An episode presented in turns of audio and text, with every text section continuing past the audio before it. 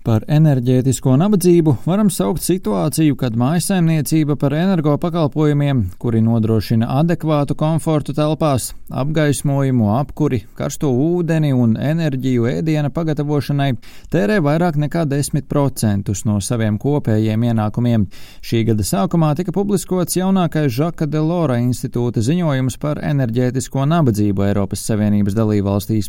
Pētījumā norādīts, ka ēku apsildes jomā vislielākās problēmas problēmas vērojamas Dienvidē Eiropas valstīs, proti Bulgārijā, Grieķijā, Portugālē un Kiprā. Savukārt vasarā daudziem eiropiešiem problēmas sagādā nespēja pienācīgi atvēsināt savus mājokļus. Pēc pētnieku domām šī ir pieaugoša problēma, jo klimata pārmaiņu rezultātā arvien biežāki un spēcīgāki ir karstuma viļņi.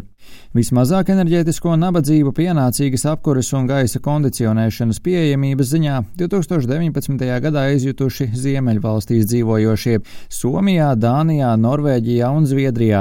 Mazāk to izjuta arī Vācijā, Beļģijā, Nīderlandē un Austrijā.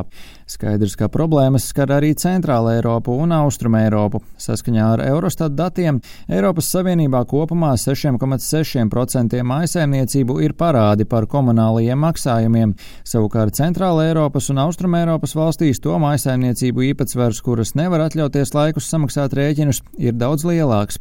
Žaka Delora institūta ziņojumā secināts, ka 2019. gadā Baltijā pienācīgas mājokļu apsildes problēma visasāk bija izjūtama Lietuvā, kur vairāk nekā 20% iedzīvotāju nevar atļauties pienācīgi apkurināt savus mājokļus. Savukārt Latvijā un Igaunijā situācija bijusi krietni labāka, proti Latvijā adekvātu mājokļa apsildi nevar atļauties 5 līdz 10%, bet Igaunijā mazāk nekā 5% iedzīvotāju. Latvijas ekonomikas ministrijas sponsorētā pētījumā, ko veikusi Rīgas Tehniskā universitāte, secināts, ka vairākos enerģētiskās nabadzības faktoros Latvija 2019. gadā bijusi tuvu Eiropas Savienības vidējiem rādītājiem, un saskaņā ar statistiku visvairāk skartās grupas Latvijā ir vecāka gadagājuma cilvēki, vientuļi cilvēki, kas vecāki par 65 gadiem, bezdarbnieki un no sociālajiem pabalstiem atkarīgi cilvēki. Kā norāda Žaka de Lora institūta pētījuma autori, Eiropas Savienībā enerģētiskās nabadzības riskam tradicionāli visvairāk pakļauti cilvēki ar zemiem ienākumiem un tie, kas mitinās sociālajos mājokļos.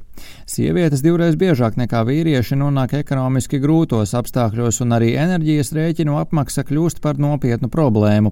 Tomēr eksperti brīdina, ka pandēmijas dēļ enerģētiskās nabadzības riska grupā jau nonāk jaunas kategorijas, piemēram, mazo uzņēmumu īpašnieki un darbinieki, kā arī studenti un pašnodarbinātās personas.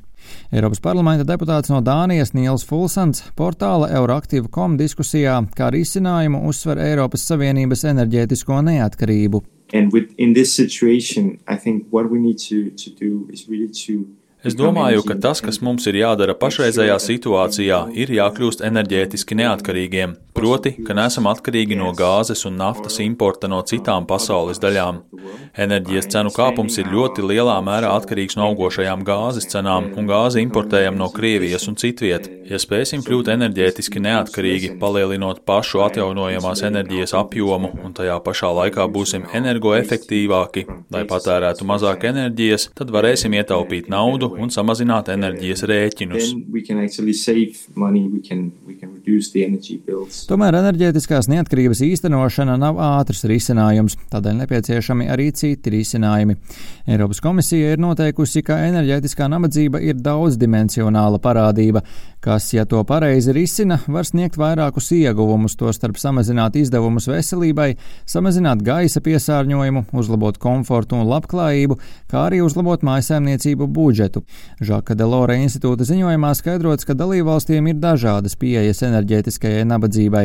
Proti, dažas jau ierasti koncentrējas uz tādiem pasākumiem kā sociālajiem pabalstiem, lai atbalstītu neaizsargātās mājasēmniecības. Savukārt citas dalībvalstis pieņem vairāk preventīvus un, ja tā varētu teikt, ārstējošus pasākumus, kuru mērķis ir uzlabot mājokļu energoefektivitāti un tādējādi samazināt vajadzību pēc enerģijas patēriņa. Un ziņojuma autori uzsver, ka enerģētiskās nabadzības mazināšanai ir nepieciešami abu veidu pasākumi. Rihards Plūme, Latvijas radio.